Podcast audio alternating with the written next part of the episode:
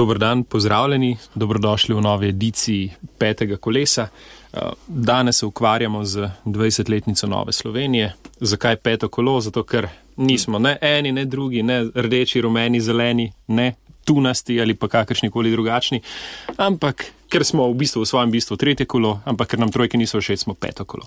Kot rečeno, 20 let Nove Slovenije, Boštjan, zakaj je to pomembno, iz kje Nova Slovenija črpa? Še predno pa zastavim to vprašanje. Zakaj? Iz česa črpamo mi? še predno pa zastavim to vprašanje, Boštjano Ožbe, iz česa črpamo danes mi? Danes črpamo iz ene odlične flaše, ime je Vrbanka, iz uh, kmetije oziroma iz uh, vinske kleti Šuklje iz Bele krajine. Verjetno veste, da je v bistvu modra Frankinja um, so ugotovili nemški znanstveniki, da izvira iz Slovenije, tako da lahko govorimo ne, ne vemo. o toni sorti. In uh, šokletava vrbanka je, se pravi, 100% modra frankinja, odličen odraz te uh, sorte. Letos tudi zmagovalka oziroma najboljša slovenska modra frankinja na ocenjevanju v Sevnici. Tako da vsem priporočam, če že niste v Beli krajini, se poglasite mogoče v vinskem baru Šuklje na bregu v Ljubljani, ki lahko to poskusite in odkrijete, kaj se lahko ponudi Frankinja oziroma kaj se lahko ponudi Bela krajina. No, mogoče spada to v drug segment, to niso sponzorji. Vendar je treba ponoviti, da to danes niso naši sponzorji. Uh, tole Boštjan če, če se navežem na vino Nova Slovenija, je neka slovenska sorta, kako pa pride do te slovenske sorte v slovenskem političnem prostoru? Kaj, iz, katere, iz katerih zgodovinskih momentov črpamo tukaj, črpa ta, te, ta del političnega prostora neke, neke vrednote, neke ideje? Ja, v bistvu je to kar zelo mlada sorta, ne najmlajša. Uh, iz tega področja, ker uh, ravno krščanska demokracija je naj, najstarejša sorta vina. Uh, v slovenski politiki. Pred uh, eh, 130 leti, se pravi 1890, se je ustanovilo katoliško politično društvo. Uh, s tem se je začela v bistvu uh, krščanska demokracija na slovenskem in je približno 50 let do leta 1941 uh, pretežno vodila uh, politiko slovenskega naroda in to izjemno, izjemno uspešno, kar je v bistvu dokaz, da krščanska demokracija je pravi odgovor za um, slovensko družbo. Um, zakaj pa dan danes temu več ni tako, oziroma zakaj voljivci tega tako ne prepoznajo, se mu pa pač danes še pogovarja. No, mislim, da če smo že pri zgodovini, da je zelo pomembno, da se omeni tudi. Verjetno največje uspehe Evropske krščanske demokracije, ki so se zgodili po drugi svetovni vojni, ne, ne samo rekel, v Nemčiji, Italiji, tudi Beneluxu in še kje druge. Um, večina očetov Evropske unije izhaja ravno iz tega, um, rekel, uh, svetovno-nazorskega milija. Tako da um, to so tisti, ki so kreirali v bistvu Evropo miru za naslednjih 70 let. Torej, mislim, da je to en velik prenos krščanske demokracije, na katerega smo lahko vsi ponosni. No, ampak vendarle, boštjan, zdaj, zdaj smo nekje ostali na 70 letih, krščanska demokracija se konča na leto 41. Dajmo na 30. Ga, Potem se ponovno zbudi v, v demokratičnem vrenju konec, konec 80 let, kjer v bistvu sklijeta dve stranki s, to, s tem milijem. Ena, je, ena so slovenski krščanski demokrati, druga je slovenska ljudska stranka. Oziroma Kmečka zveza, ki tudi to se mogoče pozablja, v bistvu prva stranka, ki je nastala po vojni. Ne, smo, prva demokratična stranka. Tako, prva demokratična. Uh, No, ampak te, ja, te dve stranki. Rečemo, ja. da, da kljub temu, da je Krdel rekel, da je treba spremeniti obraz slovenskega naroda, uh, je vendarle sta te dve krščansko-demokratski stranki dobili deleč največ glasov uh, v, znotraj demokratične koalicije Demos, kljub temu, da se je pričakovali, da bo recimo demokratična zveza, se pravi SDZ, uh, na čelu z Dimitrijem Ruplom dobila um, največ. Uh, res je pa ta rezultat bistveno šipkejši, kot je bil tisti zadnji pred vojno. Na zadnjih volitvah pred drugo svetovno vojno je SLS dobila čez 78 odstotkov glasov in vse poslance v Dravski banovini. No, repe bi rekel, da to sploh ni bila stranka, ampak ok. no, Spomnim, kaj bi pa rekla, da govorimo za tohlem, ne seveda, radikalizmu. Ne, tako, ampak, no, ampak če zdaj drugič preskočimo nekaj let naprej, um, v bistvu geneza Nove Slovenije, Nova Slovenija de facto nastane leta 2000 uh, in sicer kot posledica neke neuspele združitve teh dveh strank, ki sta konec 80-ih oziroma v začetku 90-ih diktirali to usamosvojitveno vrenje oziroma pripomogli k temu, da je Slovenija danes demokratična in samostojna. Mislim, te ideje, recimo, ne, povezovanju je imel Oman že tako rekoč na začetku 90-ih, potem pa trle tudi uh, podpreto idejo. Spra ona dva kot taka sta bila temu naklonjena že večino časa 90-ih. Um, no, potem pride do združitve, se te egi, leta 2000, ne, se te egi stavče med sabo, rečejo, gremo zdaj nekam na novo in nastane nova Slovenija. Ker takrat je bilo zanimivo, ne, potem v parlamentu se je zgodilo, da je, da je imela stranka, ki je na novo nastala, imela predsednika vlade in zunanjega ministra, ni imela pa niti enega samega poslanca v parlamentu, ker so vsi seveda poslanci ostali skupaj v takratni SLS eh, plus SKD. Um, kar je priča o nekih zanimivih dogodkih znotraj tega razvoja. Ja, predvsem lahko ugotovimo, da ta združitev v bistvu je bila z nekega formalnega vidika posebno uspešna. Uh, samo to združeno stranko je potem nekaj zelo vidnih posameznikov uh, zapustilo in ustanovilo novo stranko. In primat na tem, na tem spektru političnega prostora v Sloveniji je prevzel Janez Janša, socialni demokrati. To se pravi, to, tudi ne, to tudi ni tako nezanemrljivo dejstvo. Združena stranka je imela 29 poslancev um, in potem, potem takem gre ta rezultat samo še navzdol.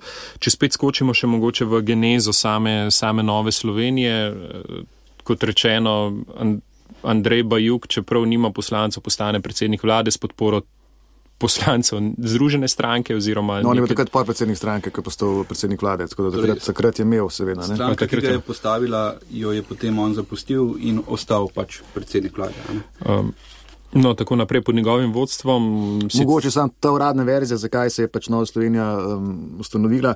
Uradna verzija pač govori o tem, da je bilo v četrtem členu skupnega, skupne pogodbe zapisano, da bojo pač do konca za um, sledovali koncept večinskega volilnega sistema, ki se potem za Gožnovim oziroma potorčevim predlogom stvar gre v drugo smer in takrat potem iz, iz te jeze in, in nespoštovanja. Uh, skupnih zavez ekipa gre potem po svoje. Ne. Kar je v bistvu dokaj, dokaj absurdno, ne? ker če, gledam, če štejemo poslance, takrat, če bi veljal večinski volilni predlog, eh, predlog večinskega volilnega sistema, bi verjetno bila ta stranka najmočnejša na tem prostoru.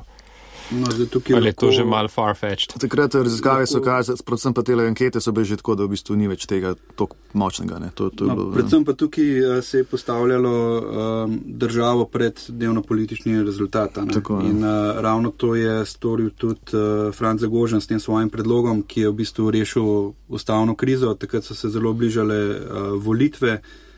Eh, bilo je odločeno, da, da tedajni volilni sistem je neustavni in bilo treba nekaj narediti. Vseh 29 poslancev eh, združene stranke SLS, SKD je večkrat glasovalo za večinski volilni sistem, ker nikakor ni šel skozi. So pač po sili razmer eh, probali državotvorno najti nek kompromis in ta kompromis je šel skozi.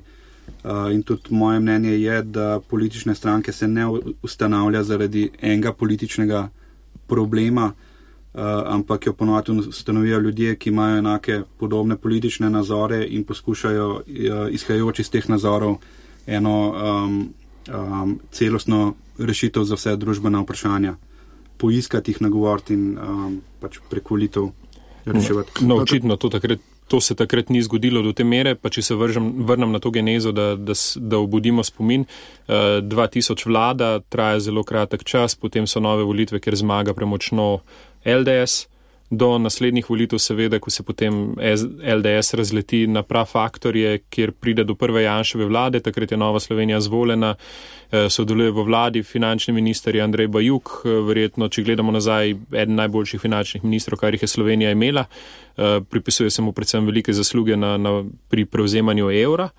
Eh, potem, po teh volitvah, je pa nezanemrljivo, ne vemo zakaj, kljub temu, da so imeli najboljšega ministra v zgodovini, stranka izleti iz parlamenta. Uh, Andrej Bajuk se umakne, Ljudmili Novak, ta v bistvu vrne stranko v parlament, kar se zgodi prvič v slovenski moderni zgodovini. Zdaj je to uspelo, da nimo zmaga Elinčiču. Potem je se Ljudmila, umak, da, Ljudmila Novak umakne in stranko prevzame Matej Tonin.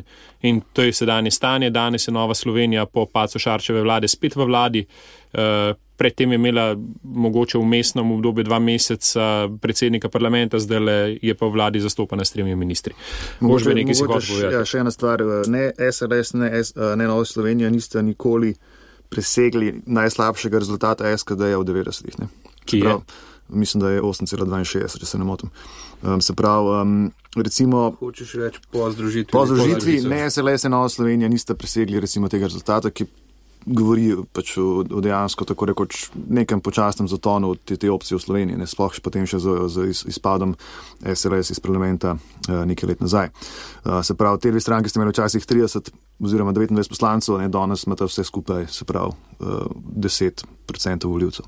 Po drugi strani je pa vedno njen rezultat presegla SDS, ki ga pa do takrat uh, ni presegala. Ne? Tako. No, mogoče tudi to, kar sem menil, tole. Eh, tale eh, volitve. Ne. Eh, no, zdaj je prva stranka, ki je takrat premagala um, LDS, ne. govorimo o maja uh, 2004. Ne, Govoriš o evropskih volitvah. Torej, evropske volitve, ne, to je prva recimo stranka, ki po dolgih, se pravi, 12 letih premaga recimo LDS. Um, sicer pač žal na državno-zborskih tega nikoli ni, ni ponovila. Mislim, ni ponovila, ni prišla niti blizu temu rezultatu, ampak recimo je vse in tudi pač nek, nek moment je bil očitno. Um, zgleda. To se pravi, ja, zdaj smo na hitro pre, preleteli to genezo 130 let, kako pridemo do Nove Slovenije. E, torej, sedi pet boštjan za zgodovino in še mi dva zožbe in se priključva zraven. Um, Tispa, to je pa dobro cena, ne? ampak, ampak kje, smo, um, kje smo danes, kje je v bistvu priložnost neke krščanske demokracije v Sloveniji danes, kje je priložnost za novo Slovenijo danes, se mi zdi, da je to v bistvu debata, ki bi jo morali imeti. Um, če pogledamo danes v Evropi, v bistvu posod opažamo neko pad krščanske demokracije. Praktično je zelo malo, stran, zelo malo države, kjer, kjer je krščanska demokracija na oblasti oziroma da ima vodilno vlogo, to je bilo po drugi svetovni vojni bistveno drugače. Um, Ja, um, mogoče bi tukaj za izhodišče vzel besede Ivana Omana, ki je rekel, da, da močna krščanska demokracija sili ostale stranke, da so bolj sredinske. Um, je to neka naloga, ki bi jo mogla prevzeti Nova Slovenija, ali je to naloga, ki jo lahko sploh prevzame Nova Slovenija s svojimi? Mislim, Slovenija je tle malo drugačna od ostalih držav. Ne? Mislim, že Zahod je tle, kot se reko, po, po letu 45 eh, je bilo to neke vrste, sem imel dva pola, ki sta definirala politični prostor, ne socialdemokrate in konzervativce ali, ali kršanske demokrate. Um, ta, ta stvar danes več ne pije vode, očitno. Um, če kol govoril, da moramo biti tok desni, da, nomere, bač, da beremo celo sredino, pa biti tok desni, da nomene bo bolj desno od nas. Danes, niso Adenauer govoril. um, no, ja, verjetno že od drugih. Ja. Se pravi, um, govorim pač, da danes temu tudi ni več tako v Nemčiji ali pa še kje druge. Se pravi, ta neka klasična povojna uroditev je v bistvu pa se. Slovenija kot taka je pa še bolj specifična, ne? govoril sem z enim bivšim uh, vplivnim SKD-ovcem um, ki je rekel, da v Sloveniji stranka, ki ima v imenu krščanstvo, da ne more pač imeti več kot 10%. Torej, da pač v Sloveniji je tak, tak rekel, mindset, tako mišljenje, da pač tega ne more prebiti in uh, zaenkrat rezultati mu dajo prav.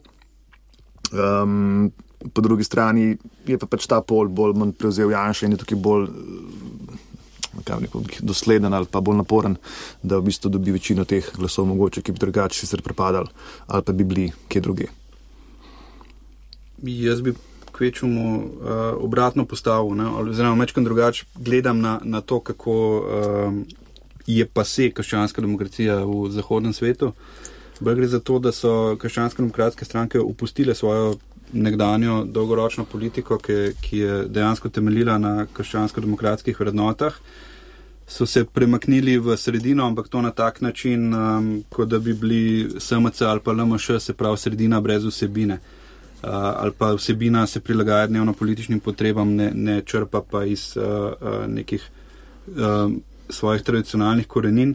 In zato pač lahko nastanejo na desni stranke, ki so uspešne, ki pobirajo tiste voljivce, ki so razočarani zaradi tega, ker je pač uh, recimo CDU ali pa uh, Partido Popular v Španiji sta opustili uh, svojo tradicionalno politiko. Uh, in v bistvu zato, ker ste hoteli preveč zajeti na, na sredini ali pa levi sredini, ste pač opustili svoje tradicionalne voljivce na desni sredini in so jih pač začeli drugi. Ampak meni, meni se tle poraja dobro vprašanje, pa se meni zdi vse dobro. Eh, lahko opustiš tradicijo, če te svoje lastne tradicije sploh nikoli nisi razumel. Uh, recimo, pač tle gre kriv, da ne samo uh, Novi Sloveniji, ampak mislim, da vsem bivšim vodilnim akterjem krščanskih vrsti v Sloveniji. Ne, se mi zdi, da so določeni pojmi, za katere slovenski volivec ni slišal niti enkrat, oziroma jih nobene poznane. Recimo subsidijarnost, um, socialno-tržno gospodarstvo sta dva pač klasična pojma krščanske demokracije, ki jih recimo verjetno niti, no, pustimo zdaj, pač tega slovenca v 30 letih, kljub temu, da gre to za neke načela, ki so v slovenskem prostoru nedvomno zelo, zelo pisane na kožo, tega se ni dal, tega, pač tega se ni dal razložiti. Pustimo zdaj ime, recimo, če spomnite kongresa, um, ali pa ne, bilo je nekaj predstavitev programa, kjer je en od predstavnikov Nove Slovenije razlagal socialno tržno gospodarstvo z nekim slajdom, kjer je imel na eni strani Ameriko. Na drugi je imel Kubo in vmes je rekel: Social market economy pa tle nekaj umestne če je to razlaga socialnega tržnega gospodarstva, pa nam boh pomaga. Um, torej, tukaj mislim. In to, recimo, da se pojavljajo kakšni tudi ministri iz te stranke, ki rečejo: Jaz gledam samo naprej, jaz ne gledam nazaj. Ne? To v neki konzervativni maniri ne more biti, pa, pač moraš biti v neki drugi stranki. Ne? Ker poanta konzervativca je, da razume svojo lastno identiteto, svojo lastno genezo, svojo tradicijo in iz tega išče neke rešitve za boljši jutri za in rast blaginje za vse, za vse pač slovence. Um, ker um, mi ne moramo prosto poprašerno prevzeti enega ekonomskega modela Amerike ali pa socialnega modela Singapurja in tega tukaj pri nas uvesti. Torej, moramo sebe. Lastnega razumeti in iz tega delati naprej. Zato sem pač vprašal, ali to tradicijo lastno sploh mi razumemo, sploh vemo, kaj točno smo in kje smo. Ker če ne vemo, kaj smo in kje smo, je tudi težko vedeti, kam išli naprej. Ne.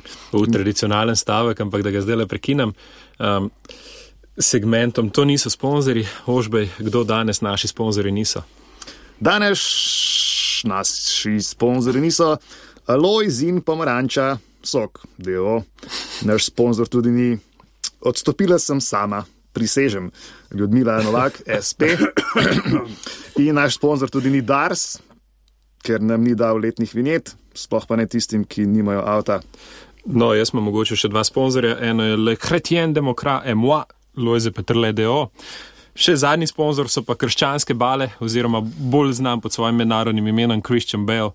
Uh, ja, to je to to niso sponzorji. Če se vrnemo nazaj na temo, um, govorili smo o razumevanju tradicije, tako slovenske kot uh, neke krščansko-demokratske in predstavljanju teh temeljnih pojmov za naprej. Bi bilo mogoče tukaj na tej točki dobro vendarle reči, kaj je tista krščansko-demokratska politika oziroma kje se, na kaj se upira? Uh, mislim, prva stvar. Okay, krš, jaz mislim, krščanska demokracija nekako spada recimo, znotraj neke širši bazen konzervativnih političnih filozofij. Um, razlika med liberalci in pa komunisti je to, da so v svojem oziru zelo univerzalni. Ne? Ti v bistvu imaš tisto idejo, lahko pre, pre, prekopiraš skoraj kamorkoli na svetu in v bistvu je ideja ista. Konzervativci pa za razliko od tega morajo izhajati iz svojega glasne identitete in svoje zgodovine in zato konzervativcu Franciji, Španiji, Moldaviji, Sloveniji ali pa Ameriki, ima seveda neko drugo genezo kot, eh, recimo, pač ja, kot, kot druge. V tem smislu moraš sebe toliko bolj poznati, da lahko iz tega delaš neke zgodbe za naprej. Eh, Kašalska morcija pa mogoče v dveh stavkih. Okay, prva stvar, okay, še, še tole, če, če smem. No, trivija, trivija. Trivija, torej, ne, ko smo imeli z Baltom tiste neke izobraževanja, se spomnim mednarodno nekih pet držav. Ne, ne, zdaj, zdaj hočeš vse, vse naenkrat povedati. Ja, se to ne, pa kresimo. Ne, takrat vem, da je fulor vprašanje bilo, ne, dali smo našteti tri asociacije na krščansko demokracijo. Um, vse to bi lahko naredili tudi za Novo Slovenijo, me zanima, kakšni bili odgovori. No, tri vprašanja, pač štejte tri asociacije in mi smo imeli od desetih ljudi, ki so to od, od, uh, odgovorili, je prišlo 28 različnih odgovorov. Torej, tukaj enotnega pogleda, oziroma očitno je tako slabo skomuniciran, da tega da se tega relativno slabo pozna, oziroma se tega skoraj ne razume. Um, kot sem prej omenil, ne, kaj je to socialno tržno gospodarstvo ali pa subsidijarnost, je zelo, zelo, zelo naporno. No, ampak bi bilo vendarle smiselno, da, da mogoče vsaj ena stavka obrazložimo te pojme. Eno je mislim, da... krščanska demokracija, dobro, tako kot si rekel, črpa iz, iz nekega tradicionalnega miljeja, konzervativnega, ki ga ima, ampak vendarle. Uh, Mislim, na, podlagi, na podlagi družbenega nauka crkve pridemo do nekega koncepta, ki se imenuje personalizem. Poenostavljeno, zelo poenostavljeno govorimo tukaj o tem, da, da v sredino postavljamo človeka z njegovim dostojanstvom. To se pravi, da, da celoten politični sistem se gradi na tem, na tem posamezniku in na, na njegovem dostojanstvu in vse politike morajo biti usmerjene v to dostojanstvo. Ne. To se pravi, imamo človeka, ki ima neke talente, razvijamo te talente, povzročimo, da se ta človek lahko udejani že v nekem tem življenju in še, še potem naprej. In, in to je, to je poanta krščanske demokracije. Zmeraj je usmerjena v posameznika in zmeraj se ukvarja z vsakim posameznikom posebej in ne vleče v ravnilo, kot so to recimo delali socialisti na eni strani. Ali pa tudi drugi ekstremi na, na drugi desni. Nima, nima šarec slogan stranke posameznik, skupnost, država, ampak to je druga tema. Um, se pravi, mislim, ja, tukaj bi še dodal, no, pač ena stvar je subsidijarnost. Ne? Subsidijarnost pomeni pač znižanje nivo odločanja na najmožjo nižjo raven. Ja, ampak ravno imamo... zaradi tega, da, da se človek razvije, ker mora sprejemati odgovornost na najnižji ravni. Sam, človek tudi znotraj družine, znotraj skupnosti, znotraj države, Tako oziroma kjer pač eh, ne more si sam pomagati, smo tam priskočili na pomoč drugi. Potem imamo tle, uh, mislim, da je pomembno, je social market economy, to je se pravi, se samo tržno gospodarstvo, da je ključna stvar, kjer gradimo na posameznikih. Um, se pravi na malih podjetnikih, na, ki imajo osebno odgovornost do sebe, do družine, do okolja, z katerega izhajajo. Spet se gleda na to, da vsakemu najmanjšemu podjetniku pomagamo do te mere, da se ta lahko razvije, da bo postajal če dalje večji in če dalje bolj uspešen, ker bo s tem celotna družba napredovala. Ne? Eh, po drugi strani pa vendarle verjame, se verjame v konkurenco. Ne? To se pravi, da, da gre za združevanje nekih dveh navideznih nezdružljivih pojmov, to se pravi prostega trga, ki to konkurenco zahteva. Po drugi strani pa govorimo o socialnem transferju, to pa z logike tega, da če se komu na tej poti zalomi, da mu je pač enostavno treba pomagati. Zdaj bom rad, ja, se pravi, to bo zdaj predavanje. Pač sam še dve stvari še dodam. Eh, družino in mislim, da tudi pač to, da morajo določene stvari izhajati iz, iz nekega družbenega cerkve. Konec koncev, če, če imaš košansko ime, verjetno je vse neki magato s tem povezano. Zdaj pa nazaj k vprašanju. Tako, nazaj k vprašanju ja. Koliko v resnici uh, sedajni krščansko-demokratski politiki razumejo? 26 let kasneje. No, torej, no, torej da vržem ož, da vrnem, da vrnem, ne, ne bomo več porezali, da vrnem ožbejo žogico. Katere tri asociacije pa imaš ti na Novo Slovenijo danes? To sem jaz prvi vprašal. Ja, se, zato sem rekel, da ti vrnem žogico. No, dej. Um, Ne vem. Ne vem. Torej se pravi, ožbe je ostal brez besed, boš ti jaz besed. Katere so tvoje tri asociacije? Moja prva asociacija je nepotrebno. Torej, ni bilo potrebe, da bi Moč, močne besede. Uh, kaj je še asociacija? Uh, asociacija, ki se mi zdi simbolne ravni zelo pomembna. To ni, ki reče, uh, Bog živi Slovenijo kot predsednik državnega zbora. Uh, In moja tretja asociacija je neka vrsta izgubljenost.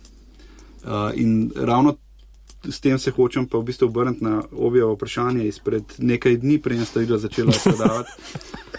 Um, koliko razumemo dejansko te vrednote, oziroma kako dejansko agirajo krščansko-demokratske politiki v tej smeri. Ne? Jaz v bistvu edino zares konkretno uh, dejanje v tej smeri vidim v uh, omogočanju uh, SP-jem za, za pošaljne prihodke, oziroma normirane prihodke. To sta naredila skupaj SLS in Nova Slovenija. Uh, in to dejansko je zelo skladno z temi načeli, ampak to je samo en, eno samo dejanje, ki ne pomeni nobenega sistemskega spremembe. Pri sedanjih dejanjih um, treh ministrov, v bistvu, ki jih imajo, ne vidiš nič krščansko-demokratskega. Torej. Um, lahko v posameznih dejanjih, recimo, ne, ampak trenutno mi pravzaprav neč na pamet napade, ampak bistvo, kar, kar eh, pa nekako odmeva iz, uh, iz uh, besed vodstva Nove Slovenije, je pa to, mi želimo na sredino, mi smo sredina. V bistvu, kaj da bi nekako uh, hotel povedati, na vsak način pozabite, da imamo mi karkoli z krščanstvom uh, veze. In v bistvu je to za moje pojme nadaljevanje um, samomorilske politike Slovenske ljudske stranke izpred 10-15 let, ko je dejansko enako poskušala za vsako ceno, mi smo sredina, sredina in še enkrat sredina. Ampak zato, ker smo to ponavljali in ponavljali, smo uh, prišli do tega, da je to postala sredina brez vsebine. Uh, krščanska demokracija je v resnici sredinska opcija, ampak sredinska opcija, ki ima neko zelo jasno postavljeno vsebino, sredinska je pa zato, ker jo podpira velika večina prebivalstva in to velja tudi za Slovenijo. Misliš, ampak ne, glih, kadar treba obkrožiti na volitvah. Ne? To ne, ampak no, se, je, je pa recimo zanimivo, da, da kljub vsej medijski mašineriji in ustvarjalcem javnega mnenja dvakrat na referendumu zelo jasno zavrnemo družinski zakonik, katerega namen je bilo zrušiti uh, tradicionalno družino. No, ampak se je v bistvu si prej omenil, ko si povedal slogan Šarčeve stranke, da, da, da je ljudem krščanske demokracije v svojem bistvu in po svojih vrednotah blizu. Ne? Ne vem, če sem jih to rekel, sem bolj to malo zašala kot za res. Pač, se te slogani in to tukaj je velik. Um, papir marske preživi, ne, se reče. Ne. Uh, bolje zanimivo pač, kako se to izvaja in kako se pač to dejansko tudi eh, nekako intelektualno artikulira in, in, in domisli. Ne. In um, če se omenil malo in srednje podjetje, ja, to moglo biti nedvomno ena izmed uh, ključnih stvari. Um, pač, ta nova ekipa, ki je prevzela zdaj stranko, no pač zdaj tudi de facto, ne samo de jure, oziroma jih obratno. Um, torej, um, S Toninom na čelu, uh, tudi 2014 je dal ven program, ki je nekako ekonomski, ne, ki je nekako eh, šel bolj v to liberalno smer, ne, se pravi, se nekako od, odcepil recimo od enega krekovskega mišljenja o, o, o socialno-ekonomskih vprašanjih, eh, kot se nekje že zapisane, sočutje je preveč pomembno, da ga prepustimo levici. Krščanska demokracija ne more biti samo učinkovitost in ekonomija, mora biti dosti več od tega. Ne? In tudi tej slogani želimo biti 15 najboljši na svetu. Kaj to pomeni? Ne? Kaj to res pomeni? Pač to govorimo lahko spet samo o eni tehnični zgodbi, da imamo pač tako ekonomijo, ampak ekonomijo brez vrednot, ekonomijo brez posluha za šipkejše, za boge, za malega človeka. Potem smo lahko tudi pač neki naporni liberalci zaradi mene. Um, no, ali pa, ali pa liber, libertarci. Da, da še to poudarjate, da to, kar je krek pred 125 leti uh, se zauzemal, se zauzemal kot odgovor na takratna družbena vprašanja. Danes bi tudi njegovi odgovori mečkan drugače zveneli, verjetno. Seveda, ampak jaz mislim, da je osnovna premisa, ker je tudi, če gledamo od teorije ravnovarno naprej, ne, um, pa pustimo zdaj odnos do kapitalizma v teh enciklikah, um, konc koncev, uh, se pravi, uh, tak, mislim, da tale, ne, kar je ta sveritate od, od Benedikta, nekako požegna kapitalizem, kot zdaj pa to ok. Um, se pravi, da v bistvu um, ta socialni čut mora biti bit prisoten. To je, to je nedvomno, se mi zdi uh, potrebno. Ne? Da, da, da se tega ne, ne zanemarja. Ne. Ampak kot sem že rekel, ne, social market economy pomeni konkurenčnost, je, je v bistvu je zelo pomembna stvar. Ne. Da imaš ti delujočo ekonomijo, nedvomno. Ne more biti pa samo cilj delujoče ekonomije, ker kot smo že rekli, ne prav, ekonomija. Ni človek v službi ekonomije, ampak ekonomija v službi človeka. In, in eh, to moramo, moramo nekako, mislim, da se tega zavedati. No. Ja, ampak le, v, v slovenskem svetu, kjer se vse opredeljuje samo do uh, Janša, anti-Janša, kako boš to ljudem dopovedal, da, da je to dovolj seksi, da um, se bojo odločili tebe uprožiti? Rabimo še enega gosta, očitno.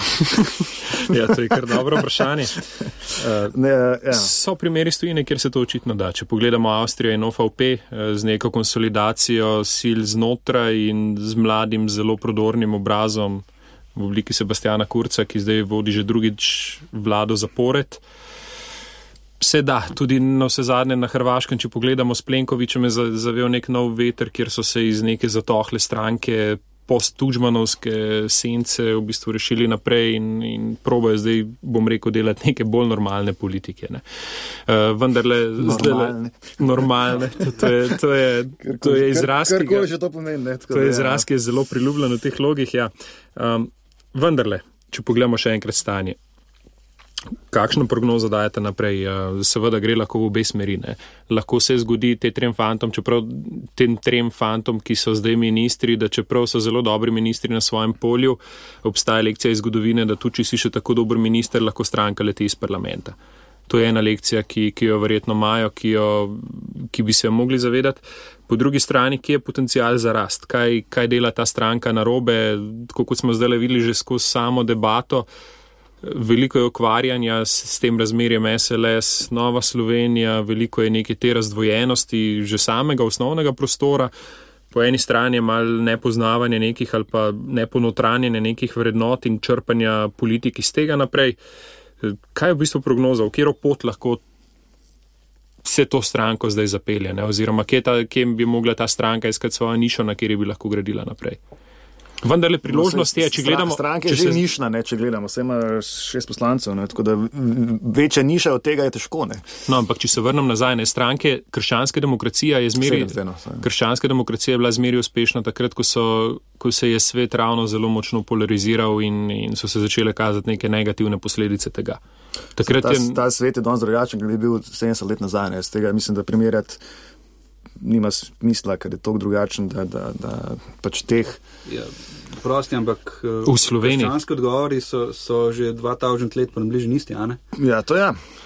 Pa tudi Slovenijo, zdaj, če gledaš, na eni strani imaš kolesarje, ki, se, ki postavljajo ljudske skupščine in postavljajo vlogo množic pred pravno državo, s tistim, z, ravno s temi ljudskimi skupščinami, po drugi strani imamo ta anti-janša moment, kjer v bistvu celoten politični prostor je definiral, ali si ti janša ali si anti-janša. Eh, v bistvu tukaj, kot je Ivan Oman rekel, kar sem že prej citiral, neka močna krščanska demokracija bi tudi ostale stranke sila da bi bile bolj sredinske, ne pa da bi, da bi se posluževale ekstremnih pa populističnih prijemov. Pa se v Sloveniji je večina, večina stvari dosti sredinskih. Um, pač, Jaz no, mislim, no, da. V Sloveniji je večina stvari dosti levičarskih.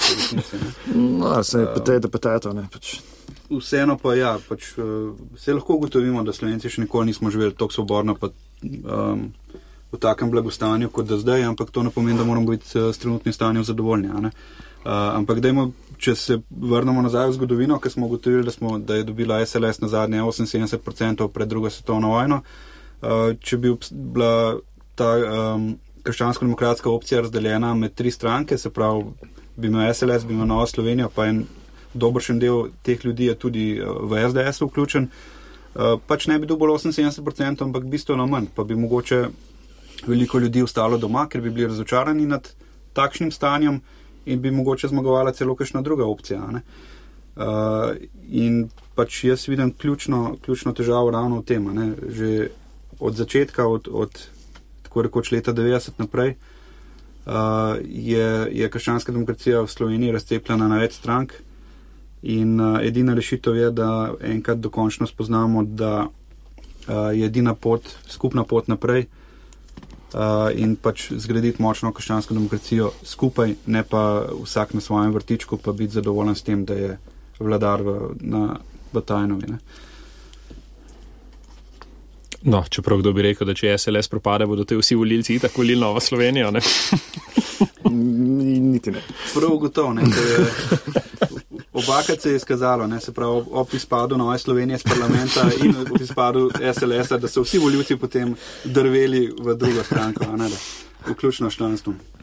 Da ne bomo končali na, na taki mogoče neki negativni noti, vendarle poskusimo poiskati, so, so mogoče kje priložnosti, ki jih vidijo osebno vidite ali pa čuta, da bi jih lahko Nova Slovenija bolj zagrabila. Eh, pa se jim ne posveča toliko pozornosti. Tu, če pogledamo zdajšnji razred, razrez ministrstv, eno je vojska, kar je kar dobro, je, je sicer neka tema, ki, ki je lahko krščansko-demokratska, ampak v bistvu ni toliko krščansko-demokratska.